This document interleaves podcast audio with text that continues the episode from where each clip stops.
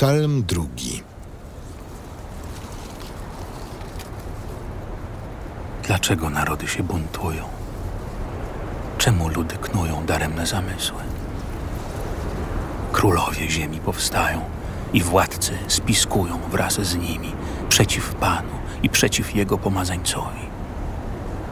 Stargajmy ich więzy i odrzućmy od siebie ich pęda. Śmieje się który mieszka w niebie. Pan się z nich naigrawa, a wtedy mówi do nich w swoim gniewie i swą zapalczywością ich trwoży. Przecież ja ustanowiłem sobie króla na Syjonie, świętej górze mojej. Ogłoszę postanowienie Pana. Powiedział do mnie: Tyś synem moim.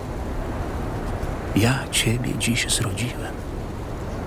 Żądaj ode mnie, a dam ci narody w dziedzictwo i w twoje posiadanie krańce ziemi. Żelazną rózgą będziesz nimi rządzić i jak naczynie garncarza ich pokruszysz.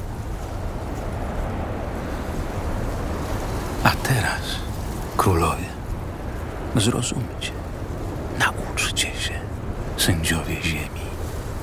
Służcie Panu z bojaźnią i Jego stopy z drżeniem całujcie, bo zapłonie gniewem i poginiecie w drodze, gdyż gniew Jego prędko wybucha. Szczęśliwi wszyscy, co w Nim szukają ucieczki.